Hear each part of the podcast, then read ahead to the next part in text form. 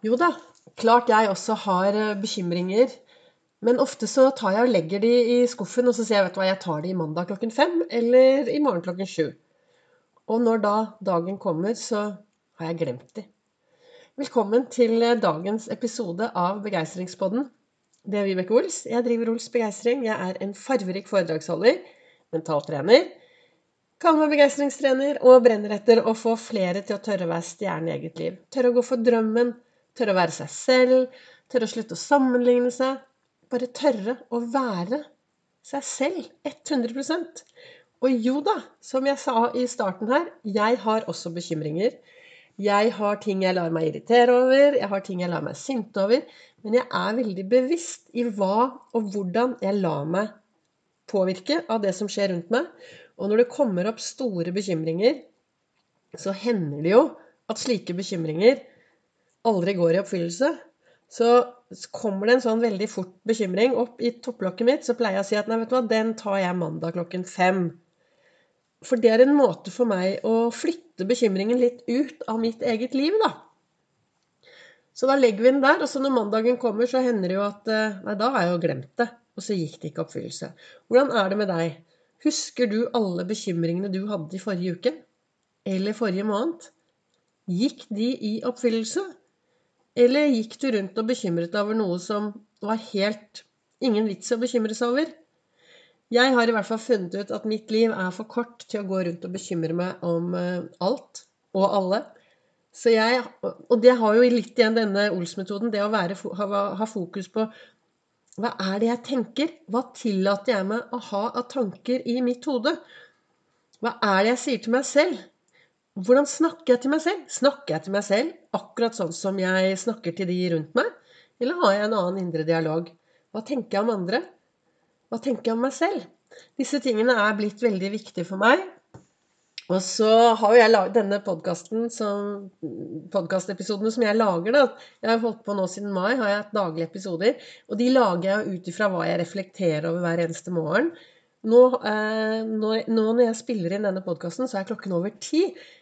Men det har ingenting med at jeg har sovet lenge, for jeg var oppe klokken fire i dag morges, og jeg har vært ute og syklet, og jeg har vært ute og hengt med masse herlige folk, og jeg har sett månen, og jeg har vekket sola, og du vet det, en god start på dagen, den kommer aldri dårlig tilbake. Og hva var det jeg reflekterte over her i dag morges? Jo, virkeligheten trenger ikke å være langt unna drømmene dine, sto det i dagens sitat.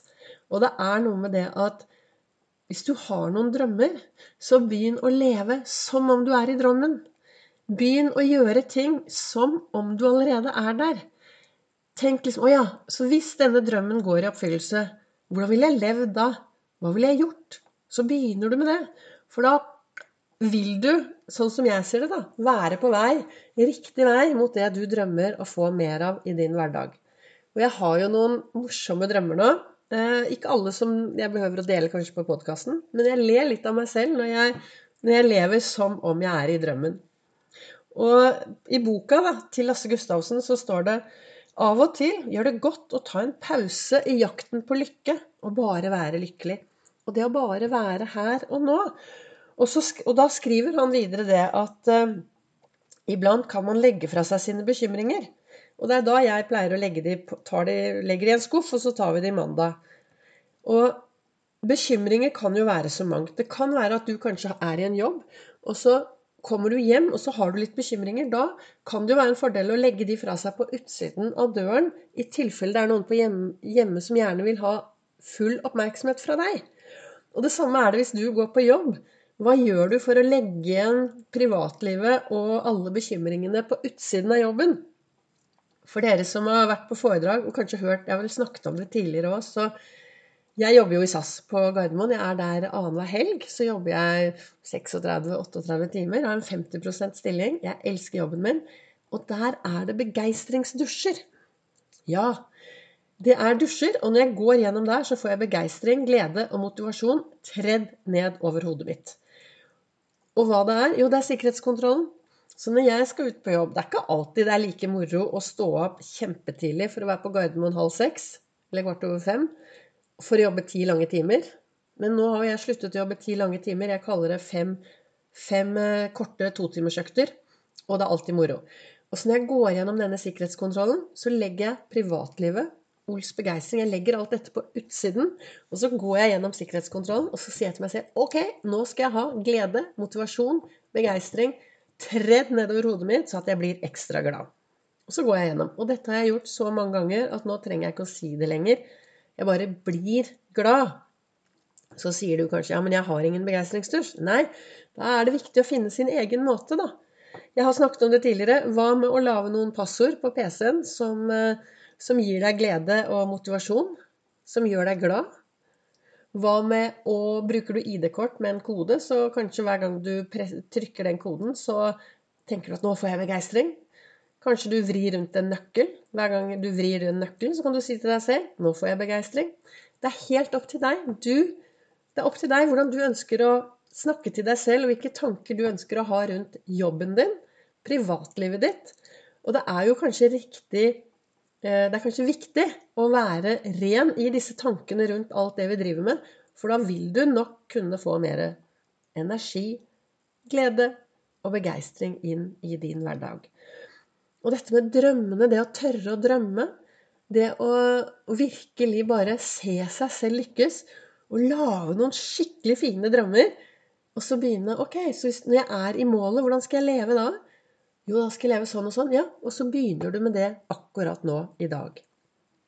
I går så jeg på, snakket jeg på podkasten min om dette at jeg ga åtte og fikk fem tilbake.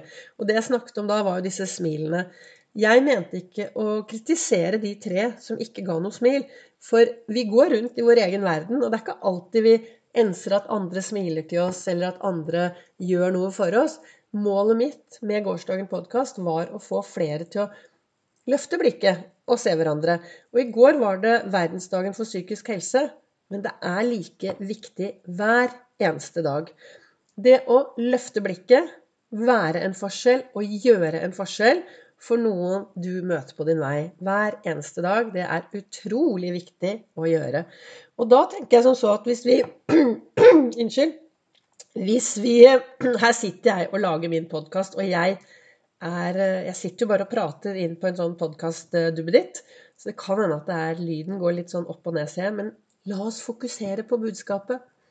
I alle fall, hvis du løfter blikket, ser de du møter på din vei, og gjør, gjør en forskjell for de du møter på en vei, så kanskje det å ta en pause i jakte på lykken, det å bare være lykkelig og være, eh, gjøre en forskjell for andre Min erfaring er at når jeg gjør noe for andre, så får jeg så enormt mye tilbake.